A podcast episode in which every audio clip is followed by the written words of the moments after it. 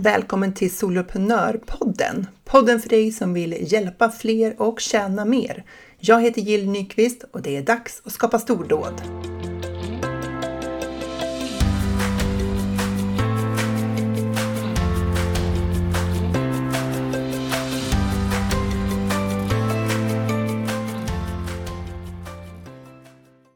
Jag har några spännande gäster på gång i Soloprenörpodden som du inte får missa. Jag ska inte avslöja vilka de är, men det kommer att handla bland annat om pengar. Och även om jag kanske pratar pengar ofta, för att, att skapa intäkter är ju det som gör att vi kan fortsätta som hållbara företagare över tid. Men det här ur pengar ut kanske mer investeringsperspektiv. Och så kanske också lite grann om det här med att spara till pension. Eh, jag vet inte hur du har det med det. Är man anställd så får man ju ofta tjänstepension från sin arbetsgivare och så sköter det sig liksom automatiskt. Man behöver inte tänka på det, men som egen behöver man ju fatta en del beslut kring hur man ska finansiera den där tiden efter man har slutat jobba, när den nu kommer. Jag räknar med att få jobba ganska många år. Jag tycker i och för sig att det känns eh, helt okej. Okay. Så, men sådana avsnitt har jag ett par på gång om pengar. Också ett avsnitt på gång om säljtunnlar. Så att, häng med i Soloprenörpodden framåt. Om du inte redan har tryckt på prenumerationsknappen så gör det så att du inte missar något avsnitt. Kommer ut varje måndag. Det är ju då ett nytt avsnitt ska finnas i din poddspelare. Idag har jag haft en eh, workshop i Soloprenörerna, min medlemstjänst för dig som vill bygga ett starkt onlineföretag, till exempel med medlemstjänster. Och temat, vi har ett tema varje månad och eh, månadens tema för november var att behålla sina medlemmar länge. Och jag tänkte att eh, även om vi inte kan gå in på de övningarna vi gjorde i workshopen så tänker jag att det är ett lämpligt tema även för detta. Eh, och en del av de sakerna som som är direkt kopplade till att behålla medlemmar länge tror jag också att man kan låta sig inspireras av när det gäller andra saker man säljer. Eh, medlemstjänster naturligtvis, men du kanske har andra tjänster som coachningar, du kanske säljer program eller webbkurser eller sådär. Så en del av det här tänket tänker jag att man kan föra över på även andra tjänster man säljer. Och vi som jobbar med medlemstjänster, vi har ju en viktig siffra att hålla reda på. Eller ja, det är väl många siffror, men det finns en som är specifikt kopplat till just prenumerationstjänster. Och det är det som på engelska brukar kallas för retention rate. Och jag har helt enkelt döpt det på svenska till behållningsgrad. Alltså i vilken utsträckning du behåller dina medlemmar månad för månad. Och det här är ju särskilt viktigt eftersom hela strategin för att bygga en hållbar medlemstjänst är att du ökar på antalet medlemmar över tid. Och det säger sig självt då att om du får in 10 nya medlemmar och 9 av dem slutar samma månad, då har du ett problem. Det blir lite grann som att hälla vatten i en läckande hink. Det spelar ingen roll hur mycket vatten du häller i så kommer det strila ur. Det höjer inte nivån på vattnet. Och så blir det ju då i din medlemstjänst om det är så att dina medlemmar stannar väldigt kort tid. Och man brukar säga att man ska sikta på att rigga runt 95% behållningsgrad från månad till månad, vilket betyder då att det är ungefär 5% av medlemmarna som eh, hoppar av, som avprenumererar eller säger upp sitt medlemskap. Så om du räknar ut det här och kommer fram till att 95 procent, eh, att du ligger där någonstans, eller kanske till och med mer månad för månad, så kan du känna att du har en, en hälsosam och välfungerande medlemstjänst. Och innan vi går in och pratar lite grann på vad vi kan göra för att behålla våra medlemmar länge så ska jag bara säga hur du räknar ut behållningsgraden då. Nu blir det lite matte. Är du beredd? Om vi tänker oss ett exempel då, att vi har 100, man måste hålla ordning på några siffror här. Man måste hålla ordning på antalet medlemmar i slutet av månaden. Så hur många medlemmar har du i slutet på månaden? I det här exemplet har du 100 medlemmar. Och så måste du hålla reda på hur många tillkommande medlemmar har du fått under månaden? Och i det här exemplet så har det kommit till 10 nya medlemmar under månaden. Och så måste du hålla reda på vilken siffra, alltså hur många medlemmar hade du i början av månaden? Och i det här fallet hade du 97 medlemmar i början av månaden. Alltså, du gick in i månaden med 97 medlemmar, under månaden tillkom det 10 medlemmar och i slutet av månaden så hade du 100 medlemmar. Och för att räkna ut behållningsgraden då så tar du först 100 minus 10, för du hade 100 i slutet på månaden, Du tar bort de 10 som tillkom. Och så delar du det i 97 som då var då antalet medlemmar du hade i början av månaden och så gånger 100 för att få procent. Då i det här exemplet kommer du till 92,8 procent, det vill säga en behållningsgrad på 93 procent. Det här är formeln för att räkna ut din behållningsgrad i din medlemstjänst. Så att vill du börja jobba med att räkna på det här, vilket jag rekommenderar att du gör, så behöver du ju skriva upp det här. Om du inte lyckas förstå om du har Stripe och du inte lyckas förstå deras dashboards, för det finns en massa statistik där, men jag förstår den inte riktigt, eller jag vet inte riktigt hur de räknar. Så att jag, jag tycker inte att jag kan använda den statistiken, men om du kanske gör det och då kan du titta där. Men annars så får du helt enkelt ha en, ehm, eh, ett kalkylark där du eh, skriver upp det här månad för månad. Och då kommer du att se hur antalet medlemmar liksom fluktuerar över tid. Och jag har gjort det i, liksom, under lång tid eh, i mina medlemstjänster och det är bra att se. För att du kanske också kommer lägga märke till då att vissa månader så är det fler som hoppar av än andra. Och det kan du ju också fundera på ifall du kan parera för det då. Finns det någonting du kan göra under de där kritiska månaderna för att eh, de ska känna sig manade att stanna kvar? Så. Så jag rekommenderar att du håller koll på dina siffror.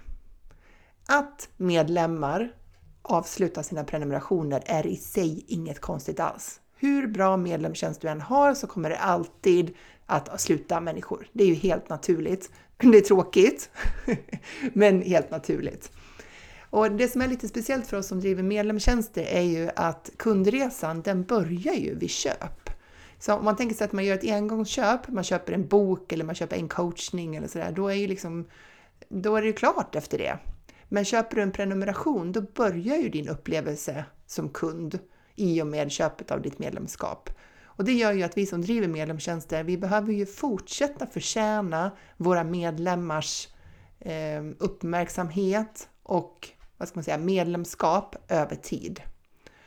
Och det här behöver ju vi Eh, ta hänsyn till när vi producerar vårt innehåll, så vi verkligen har koll på att det innehållet, hur det nu är levererat, eh, verkligen hjälper våra medlemmar framåt. För att för att medlemmar ska få resultat så behöver de som steg ett konsumera det du eh, levererar. Alltså de måste, de måste ta del av materialet. De måste sätta sig där och titta på de där videosarna eller göra övningarna i arbetsboken eller i, ljudfilen, eh, lyssna på den eller ja, vad det nu är för någonting. De måste liksom ta del av din kunskap så som du presenterar den för dem. Och här kan ju du göra det så enkelt som möjligt. Alltså tänk att det är vårt uppdrag, vi som driver medlemstjänster, att göra det här så enkelt som möjligt för våra medlemmar. Vi måste underlätta, för de har mycket i sin vardag. Därför väljer jag till exempel att alla de workshops vi har i Soloprenörerna och i gruppcoachningarna, de lägger jag upp i Medlemspodden. En podcast som då bara medlemmar kommer åt, där de enkelt kan lyssna på en workshop eller en gruppcoachning i efterhand. För att det gör det lättare för många att lyssna i efterhand medan de gör någonting annat. Då kan man lyssna medan man går den där promenaden eller eh, man krattar löv eller vad man gör för någonting. Eh, och det underlättar ju att, för dem att konsumera, ta del av innehållet. Så du behöver fundera på vad kan du göra för att underlätta för dina medlemmar att ta del av det eh, innehåll som du har. Det är väl värt lite extra arbete det här att eh, Ehm, tillhandahålla material på olika sätt beroende på vad som är möjligt, beroende på vad materialet handlar om och vad som passar dina medlemmar. Så det är så här, steg ett, de behöver konsumera ditt innehåll. Men tyvärr så räcker det ju inte med att man bara tittar på någonting. Det vore så bra om det gjorde det, för egen del också. Utan vi måste ju implementera Precis som du måste det, precis som jag måste det, så måste dina medlemmar ta action. De måste börja agera. De måste börja omsätta det de har lärt sig i praktisk handling i sina liv. Och här kan ju du också fundera på så här, hur, på vilket sätt kan du underlätta för dem att verkligen ta action? Hur kan du göra det lättare för dem att komma igång och använda sig av den kunskapen som du har givit?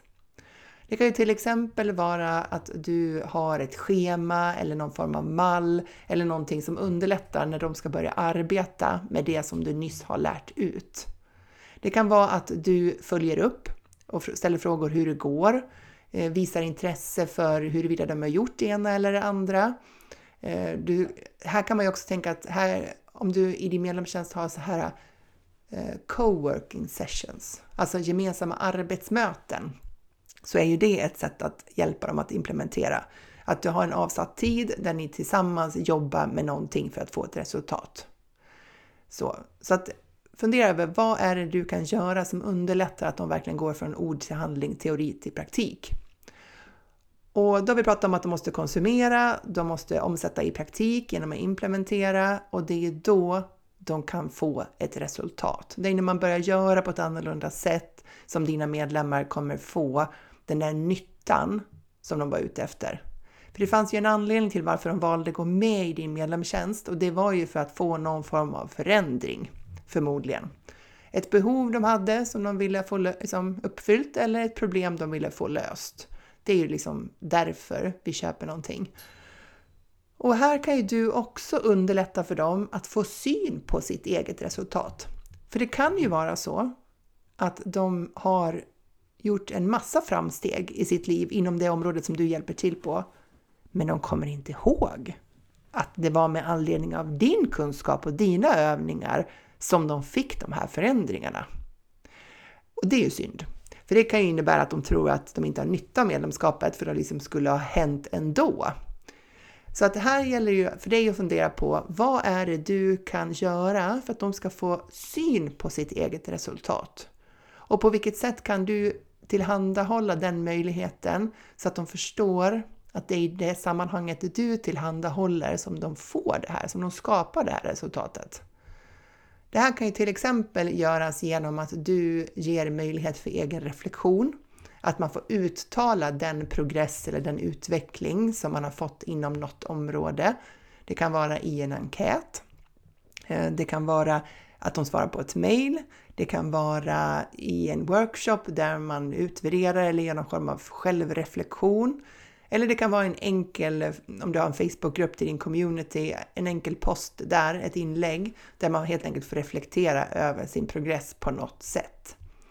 Så att här har du liksom, det är hjälpsamt både för dig som ägare och drivare av en medlemstjänst, men även för dina medlemmar, att du hjälper dem att få syn på sitt eget resultat, sin egen utveckling. Så vill du driva en framgångsrik medlemstjänst så är det de här tre sakerna som du måste eller behöver jobba med för att tydliggöra och underlätta för dina medlemmar. Att de konsumerar ditt innehåll, att de går från ord till handling och implementerar det och att de får nya resultat som de också blir medvetna om eh, att det kommer från dig. Och det finns ju många saker naturligtvis du kan göra inom de här olika områdena. Och när det gäller det här med konsumtion, att ta del av ditt innehåll, så kan vi bara kasta in den här brasklappen kring varför, varför, vad är den vanligaste anledningen till att medlemmar slutar? Har du hört mig säga det förut? Den vanligaste anledningen till att medlemmar slutar är att de inte hänger med. Att de får för mycket, att de inser att de betalar för någonting som de inte använder, de känner att de ligger efter och dels så får de då dåligt samvete för att de tycker, de känner sig dåliga för att de ligger efter för att de inte får det gjort. Och så känner de sig dubbeldåliga för att de dessutom betalar för det där. De betalar för att känslan av att ligga efter och inte få det gjort. Och det känns ju inget bra och då känns det som att det lättaste vägen ut från det där, det är helt enkelt att avsluta medlemskapet. Och det här är ju en vanlig fälla, tänker jag, för oss entreprenörer som vi behöver ha koll på. Och det är ju den där tanken om att mycket mycket innehåll är mer värdefullt än lite innehåll. Att man kopplar kvaliteten till kvantiteten. Och här är det är som en tankevurpare där. För att om man har utgångspunkten att om det är mycket av någonting så är det automatiskt bra, då innebär det att det kommer att trigga oss att, att ge våra medlemmar väldigt mycket av det, av våra leveranser. Och det kan slå tillbaka. För att om du i all välmening levererar massor av dina medlemmar och så är de med över tid, de kanske får någonting varje vecka och det är för omfattande saker, då kan du slå tillbaka och så väljer de att gå ur istället. Så när du försökte vara eh, väldigt hjälpsam och eh, bidra med så stort värde som möjligt så blev det i själva verket tvärtom.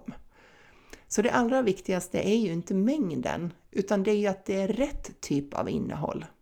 Och hur vet du vad som är rätt typ av innehåll?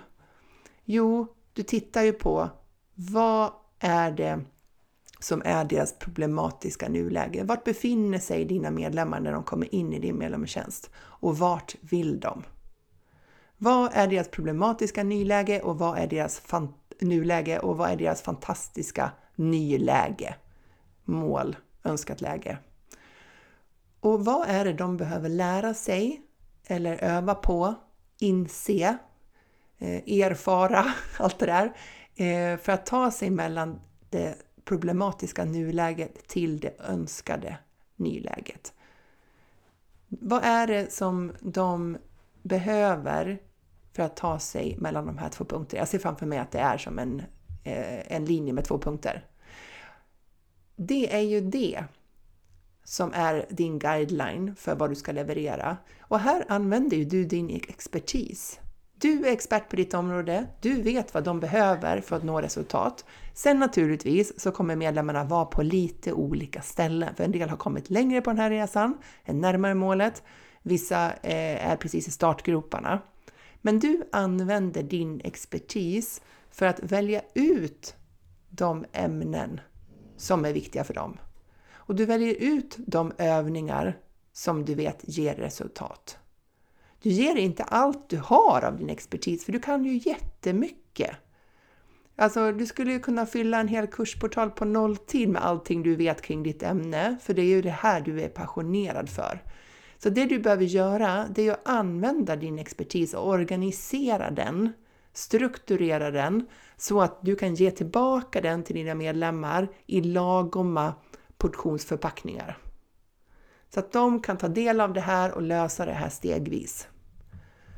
Och då kommer det vara så att en del av medlemmarna har hört det du säger förut, för de har varit med ett tag. Och det kommer inte att göra någonting. För att, att vi har hört någonting en gång, det betyder inte att vi bemästrar det ämnet. Om jag har en eh, workshop i, vi tar soloprenörerna som exempel då, som handlar om att bygga sin e-postlista. Och så pratar vi om hur man tar fram en jättebra freebie som verkligen attraherar de personer som man sen vill sälja till. Man har hört den workshopen en gång så innebär ju inte det att man har blivit ett proffs, en expert på att eh, liksom, utforma den perfekta freebin eller liksom, hur man marknadsför den, sen hur man kopplar den till försäljning av sina tjänster och så vidare. Utan det här är ju en utvecklingsresa. Första gången man hör det så kommer man tolka den informationen och kunskapen på ett sätt. Sen har man jobbat på det där, man har gjort sig sina egna erfarenheter. Så i princip när man kommer tillbaka till samma workshop som nästan innehåller precis samma innehåll, så kommer man ändå tolka det innehållet och uppfatta det på ett nytt sätt för att jag då är på ett annat ställe. Eller du är på ett annat ställe. Du har ett år till under västen så att du eh, har andra erfarenheter och då kommer du göra andra associationer till precis samma innehåll. Och det här är också förklaringen till varför vi behöver återkomma till teman i våra medlemstjänster om och om igen och inte gå i fällan och tro att man har förbrukat ämnen bara för att man har pratat om dem vid ett tillfälle. Utan du måste ge dina medlemmar en möjlighet att få förkovra sig, fördjupa sig, eh, att bli ännu duktigare på de här viktigaste sakerna som du vet att man behöver ha koll på för att eh, nå det resultatet som man är ute efter. Så det är lite grann om vad du behöver tänka på när du vill behålla dina medlemmar länge. För till syvende och sist så är det ju så att den allra bästa strategin för att behålla medlemmar länge, det är ju att göra dem galet nöjda. att de verkligen känner att de liksom trivs i ditt medlemskap, att de träffar människor där som de liksom känner igen sig i eller kan liksom känna samhörighet med och som förstår, som sitter lite grann i samma båt som dem, oavsett vilken nisch det handlar om. Det finns ett uttryck, jag vet inte vem det var som sa det, eh, på engelska då, som heter så här, “People come, come from, from People come from, for the content and stay for the community. Ja, min engelska. Alltså man kommer för innehållet men man stannar för samhörigheten, communityn. Så eh, underskatta inte den aspekten av din medlemstjänst också. Och du är ju den som leder din community. Det är ditt ledarskap som sätter stämningen, kulturen, eh, hela upplevelsen av att vara medlem hos dig. Det är du som går i bräschen för den. Så du kan fundera över liksom, vilken typ av medlemmar, så här, hur vill du att dina medlemmar ska agera i din community till exempel? Och så kan du fundera över vad är det du behöver göra för att uppmuntra den typen av agerande i communityn. För att du är ledaren och du kommer ha mycket större inverkan på gruppen än vad du kanske föreställer dig. Så fortsätt driv din medlemstjänst, fortsätt tänk på kunden, sätt på dig kundservice-hatten eller customer success-hatten och fundera över hur du kan verkligen underlätta för dina medlemmar att konsumera ditt innehåll, att implementera det, alltså gå från ord till handling så att de kan få det resultatet de är ute efter och hur du kan hjälpa dem att se sin egen progress. Så att du kan hjälpa dem att se sina egna stordåd.